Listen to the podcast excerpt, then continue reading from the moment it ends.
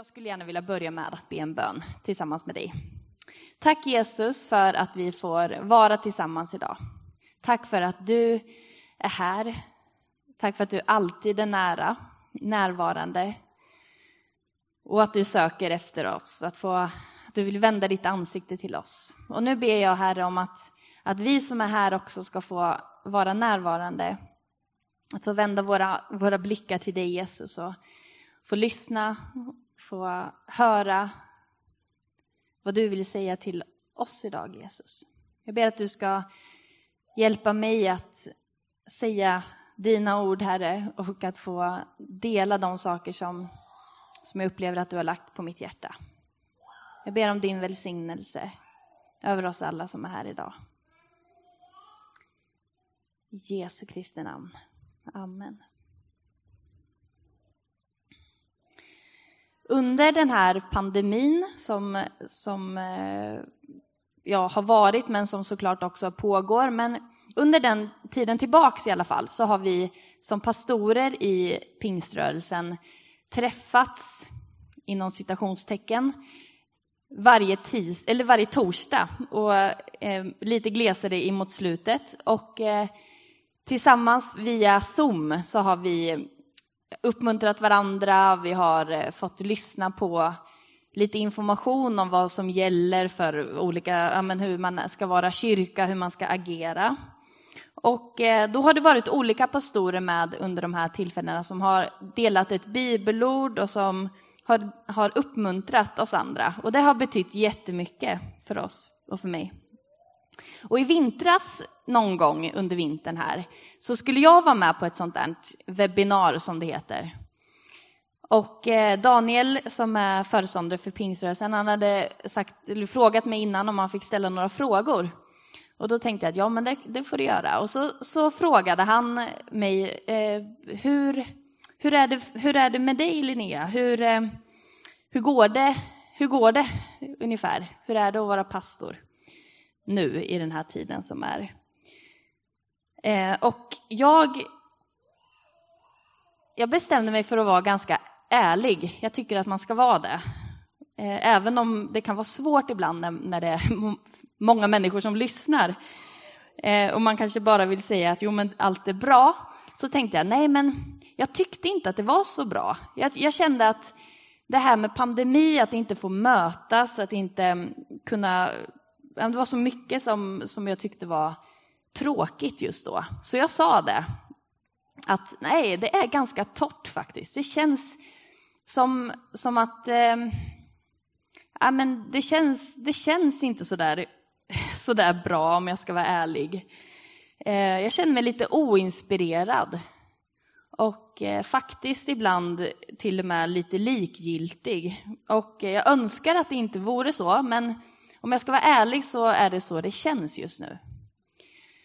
Och sen så fick jag möjlighet att läsa ett bibelord och, och dela några tankar med de andra. Och efter den, den samlingen så, så var det väldigt många som hörde av sig och, och tackade. Tack Linnea för att du sa så. För jag känner precis likadant. Jag tycker också att det har, att det har varit väldigt tufft och väldigt liksom ja, men det är inte lika inspirerande som det har varit innan. Och eh, jag tror under den tiden när jag, när jag delade det där så gick det upp för mig ordentligt att vi behöver varandra. Jag som pastor, jag behöver församlingen. Jag, du behöver församlingen, jag behöver det, vi behöver varandra. Och just att, att under en lång tid inte ha kunnat gå till kyrkan, inte ha kunnat be tillsammans, sjunga tillsammans, lyssna till predikan tillsammans, att det hade påverkat mig mycket mer än vad jag trodde. Jag tänkte att det här, det ska nog gå bra liksom. Men så märkte jag under en, efter en tid att, att det där liksom gemensamma påverkade mitt eget mer än vad jag hade vetat på ett andligt plan. Och eh, det kändes som att, som sagt, att, att det var fler personer som hade just den erfarenheten. Och när vi inför den här hösten, när vi visste att nu, ja, men nu nu börjar det, nu började det liksom öppna och det börjar bli möjligt att mötas på ett annat sätt än förut. Så satt vi ner tillsammans som, som eh, team här i kyrkan och vi pratade och funderade på vad ska vi predika om den här, den här början av den här hösten. Och vi berättade för varandra vad vi har saknat, vad vi har längtat efter när vi inte har kunnat fira gudstjänst ihop. Och så bestämde vi att det är nog det vi ska predika om, vad vi har saknat i pandemin. Och eh, jag tänkte börja den, den eh, predikoserien idag och jag kommer att tala om någonting som jag har saknat väldigt mycket, nämligen att sjunga tillsammans.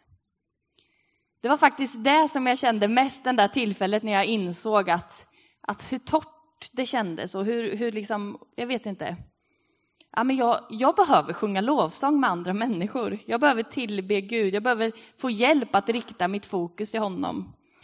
Så det är mitt tema idag. Och jag vill med Bibelns hjälp ta reda på vad lovsång eh, är och vad som händer när vi, när vi tillber honom. Så vet du vad som komma skall. Och jag skulle vilja beskriva just den här gemensamma sången, det vi gör när vi sjunger tillsammans, utifrån Saltaren i, i det gamla testamentet. Och eh, det är nämligen den boken som redan långt innan vår tidräkningen startade kallades just för lovsångernas bok, Saltaren. Det finns en otroligt mängd böner som har blivit tonsatta och som har använts och sjungits i generationer efter generationer.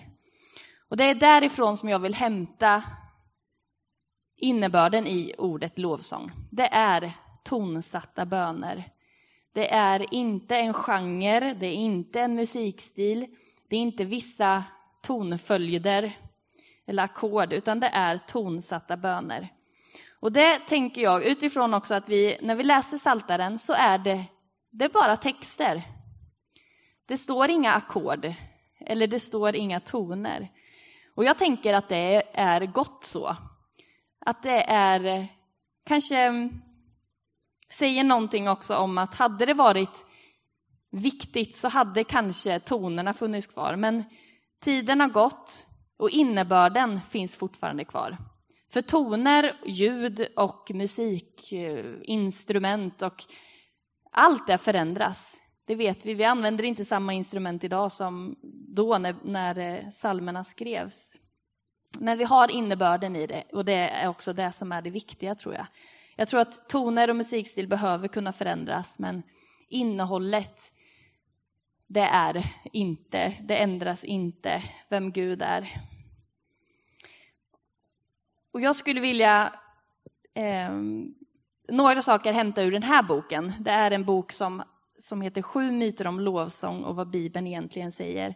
Och det är en, en eh, person som heter David Devage som är, led, eller som är pastor och teolog och har jobbat och jobbar med ALT, ALT, Akademi för ledarskap och teologi.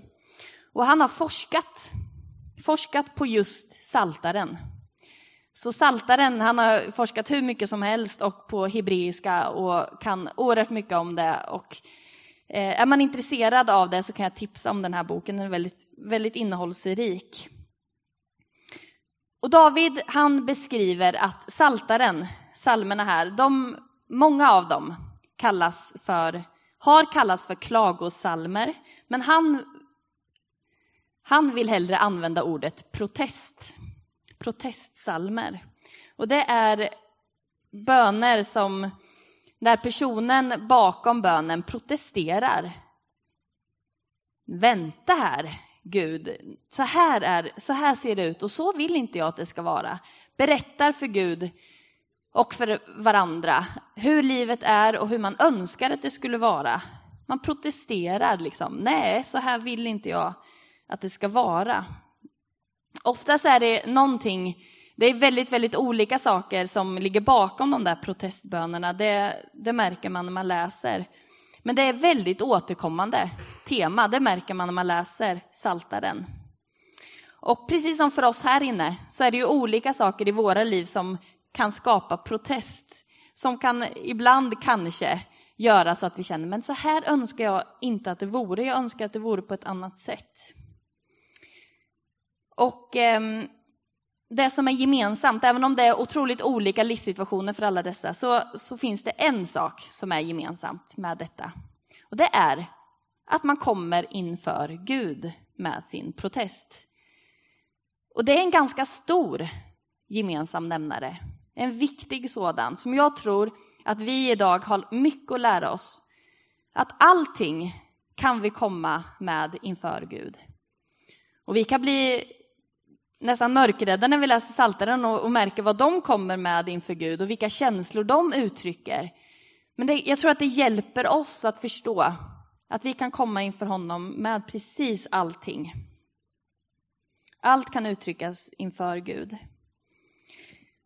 En annan sak som är intressant med just psalmerna och saltaren och de där bönerna som kallas protestböner, det är att de väldigt ofta, emot slutet, märker, märker man en förändring. Att det som börjar i en protest slutar i en lovprisning istället av Gud och en bekännelse av vem Gud är. Och Många har frågat sig hur det där kan vara möjligt. Hur är det möjligt att den som först klagar och uttrycker liksom missnöje, bara några rader senare så, så tänker man, vad är det som har hänt? Gud, jag tackar dig, jag lovar dig och prisar dig. Du är trofast och rättfärdig. Och, och man tänker, hur mycket kan hända under tiden man skriver en bön? Och de, de, som forskar på det där menar att nej, men det är inte så att det kanske har hänt någonting däremellan. Det är inte nödvändigtvis så att, att man har fått bönesvar och sen i slutet så, så tackar man Gud för det. Utan David skriver så här i boken om detta. I kontrasten mellan psalmistens lidande och hans bekännelse hittar vi något av det mest centrala i vad lovsång är. Att stadigt rotad i Guds rikes verklighet vända sig till Gud med sin bön. Oavsett om denna verklighet är synlig eller känns avlägsen, både i nöd och lust, styrka och svaghet. Att även om, om det inte har ändrats så mycket känslomässigt i, i min känsla så, så, så vet jag och påminner mig själv om vem Gud är. Och jag skulle vilja ge ett exempel ifrån Bibeln, nämligen den 77 salmen. Och jag, jag läste den faktiskt sist när jag predikade. Den är ganska lång, jag ska inte läsa den igen. Men det, det är ett exempel på en sån psalm. Där det märks i början så kommer den här protesten och, och man uttrycker det. Och sen någonstans mitt emellan så, så så lyfts blicken från mitt eget och det som jag upplever och känner till vem Gud är. Som är väldigt, jag tycker väldigt vacker. Jag, gill, jag tycker om den här salmen väldigt mycket. Till exempel vers 4. Jag tänker på Gud och suckar. Jag grubblar och krafterna sviker. Du låter mig inte sluta ögonen. Jag är utan ro, finner inga ord. Så går vi lite vidare neråt till vers 12. Men jag minns Herrens gärningar, jag minns dina forna under och jag tänker på allt vad du har gjort och begrundar alla dina stora verk. Det är som att salmisten vänder eh, sitt fokus, inte för att det har hänt någonting, utan för att, ja men du Gud, du har gjort, du har varit trofast innan. Och då kanske inte det ens berör den här personen som har skrivit salmen. Faktum är att det nästan allt som oftast handlar om vad Gud har gjort för sitt folk genom historien. Eller att Gud har skapat den här världen. Att Gud är all, den som håller allting i sin hand. Det, det, är in, det är ganska sällan som vi ser att det faktiskt handlar om mitt eget liv, utan snarare att man tänker, ja men så här ser det ut för mig, men tänk vad Gud har gjort genom tiderna, att Gud har varit trofast. Och där tror jag att vi har mycket att lära oss också. Att dels se på varandra, se på andra människor. Tänk att Gud, var, att Gud grep in i, i ditt liv. Jag kanske, eh, jag kanske brottas med de här frågorna själv, men jag kan samtidigt se att Gud, Gud är verksam i den här världen. och att Gud har varit det. Så väldigt ofta så ser man det, att man berättar hur Gud har varit trofast i tidigare genom historien. Och jag skulle vilja ge ett, ett litet eget exempel från, på en sån där erfarenhet. Det var i, i vintras också.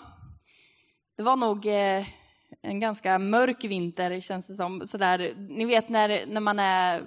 Ja, men när sommaren kommer så är det lite lättare att se, se ljus på tillvaron. Men jag, gick, jag vet att jag gick en promenad i, eh, under, under vinterhalvåret. Lite mörkt och lite, ni vet som det är på vintern. Och eh, jag kände, precis som jag berättade tidigare, lite sådär avsaknad av inspiration.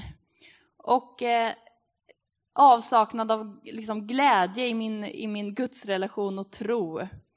Och eh, det tyngde mig en del och jag, jag grubblade lite över det där och kände att åh, vad tråkigt det är att, att det känns så här.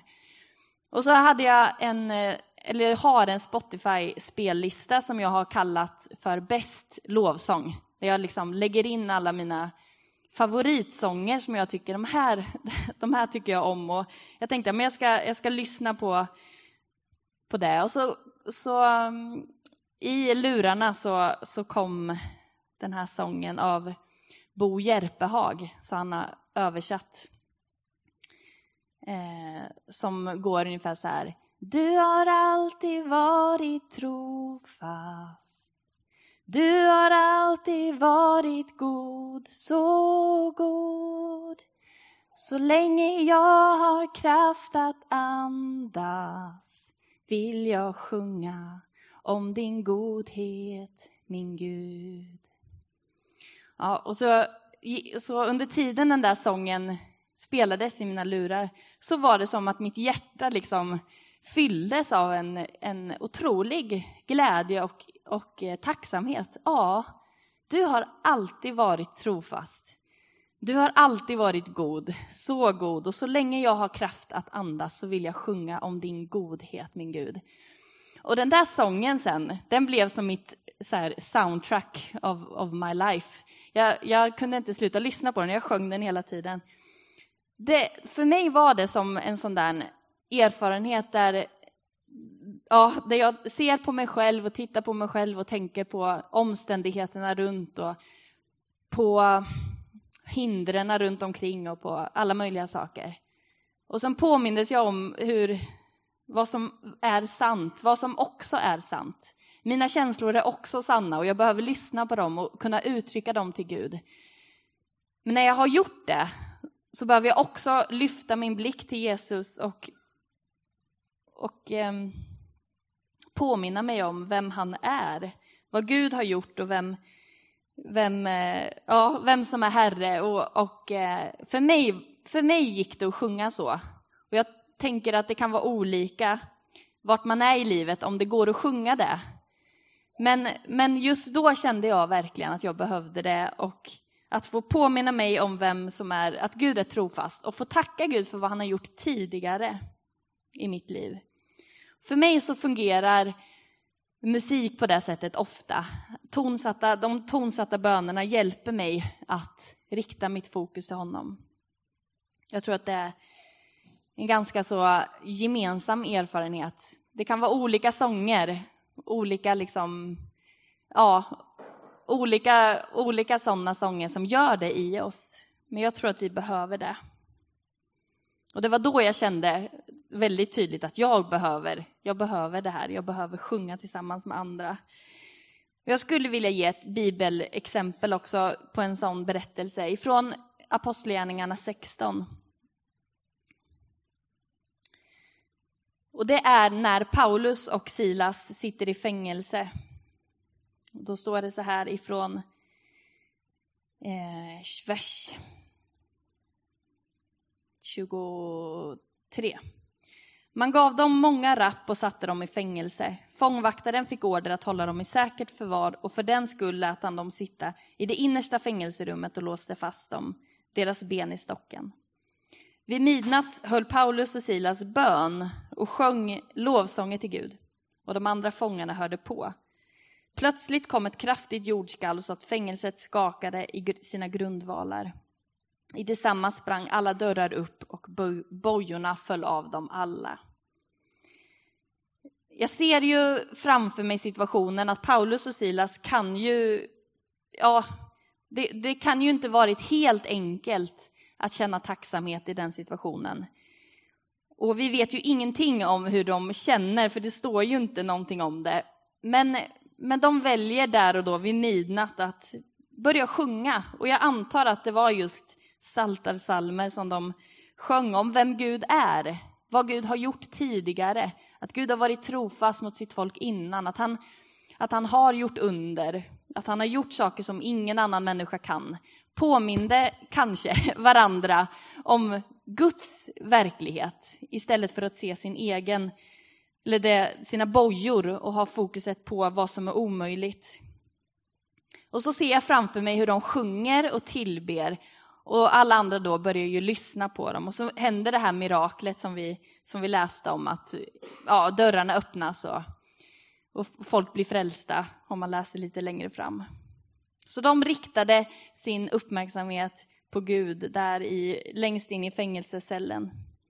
Och jag tänker att lovsång är just det, det är att fokusera på Gud. Det är att sjunga om honom snarare än att sjunga om mig själv.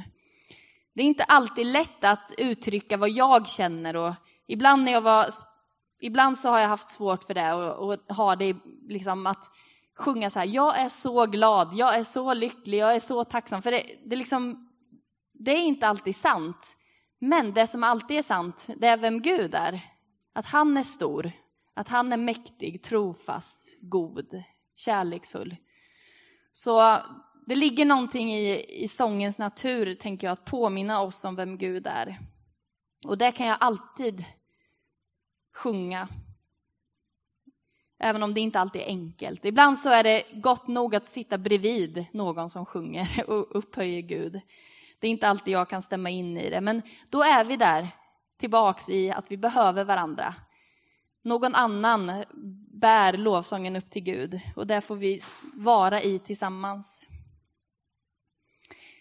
Eh, en person som har skrivit just om, om eh, lovsång och vikten av, vad, vikten av att tänka på vad vi sjunger i lovsång, det är en, en kvinna som heter Ellen Wingren. Hon har också forskat på lovsång. Hon menar att i, i dagens kyrka så, så formas teologi väldigt mycket av sång, av det vi sjunger. Det formar vad vi tror. Och därför är det ju väldigt viktigt vad vi sjunger. Att vi inte sjunger bara den här sången låter bra så den sjunger vi. Utan att man verkligen sådär tänker på vad säger, talar det sant om Gud? Är det här den gudsbilden som, som vi tror på? Eh, hon menar också att vi borde kalla lovsångsledare för böneledare för att det är ju vad lovsång är. Det är att be tillsammans. Och eh, om jag inte kan sjunga, för jag tänker att det finns tillfällen när det inte är möjligt av olika anledningar, eller när jag inte kan sången. Då kan jag i bön stämma in i samma, att vi ber tillsammans, att vi sjunger och att vi ber att det är samma sak. Men lovsången är framförallt en riktning. Det är att så, titta uppåt, att, att eh, sjunga till honom som jag bekänner mig till, som är större än mig själv och mina omständigheter. Att rikta blicken ifrån mitt eget till honom. Inte att förneka mina känslor och tänka nu ska jag bara se glad ut och sjunga för att det är så det ska vara. Nej, inte så. Men att det finns uttrycket, att jag får uttrycka vad jag känner och vad jag tänker, men att jag också får gå till Gud med det. Att i detta, i tillbedjan så är det att få gå till Gud med allt. Och det är också vad det är att vara kristen att vända mig till Gud. Omvändelse är ju ett väldigt centralt begrepp i Bibeln. Och det hörs ju på ordet vad det är, omvändelse. Jag vänder om, jag, påminner, jag får påminna mig gång på gång, hela tiden, just det, det är ju han som är Gud. Liksom. Det är Gud som är Gud, det är inte jag. Även om jag tycker att det här är omöjligt, så det är Gud som är, som är, som är den jag ska vända mig till. Och det vill jag uppmuntra oss som församling idag, att i vad det än är, vända oss till Gud. Vad det än är, se på honom och tänka att Gud har detta i sin hand. Jag vet inte svaret, men, men jag får komma till honom. Det är det vi gör när vi sjunger tillsammans, tänker jag. Vi vänder oss till honom. Sist vill jag läsa ett fantastiskt bibelord som jag tycker om mycket och som står i Hebreerbrevet 12. Första versen. När vi nu är omgivna av en sådan sky av vittnen, låt oss då, även vi, befria oss från allt som tynger, all synd som ansätter oss och hålla ut i det lopp vi har framför oss. Och nu kommer det. Låt oss ha blicken fäst vid Jesus, trons upphovsman och fullkomnare, för att vinna den glädje som väntade honom uthärdade han korset utan att bry sig om skammen och sitter nu på höger sida om Guds tron. Tänk på honom som har uthärdat sådan fiendskap från syndare så att ni inte tröttnar och tappar modet. Blicken fäst vid Jesus. Vi ber tillsammans. Jesus, jag vill tacka dig för, för din kallelse till, till dig som går ut i den här stunden och ständigt. Att få se på dig, att få höra vad du vill säga till oss, att få vända oss till dig. Om det är första gången vi gör den omvändelsen eller om det är en, en påminnelse om att just det, vem är det som är Gud? Tack för att du kallar oss, var och en den här, den här dagen, Herre, att få fästa våra ögon på dig. Att få komma till dig och hämta energi, få hämta kraften som, som du har, Gud. Som vi behöver och som vi inte har i oss själva, men som du har, Gud. Jesus Kristus, jag ber också att du ska eh, hjälpa oss, visa oss vad det är att få vara ett som församling, att få vara ett som ditt folk och att få stå tillsammans i, i en eh, enad eh, längtan efter att få upphöja dig och att få tala sant och gott om dig, Herre. Jag vill be för den person som just nu upplever det tungt och, och plågsamt av olika anledningar, Herre. Jesus, hjälp oss när vi inte orkar själva. Hjälp oss att rikta blicken till dig. Hjälp oss att också få syn på någonting som kan styrka och, och hjälpa oss, Gud.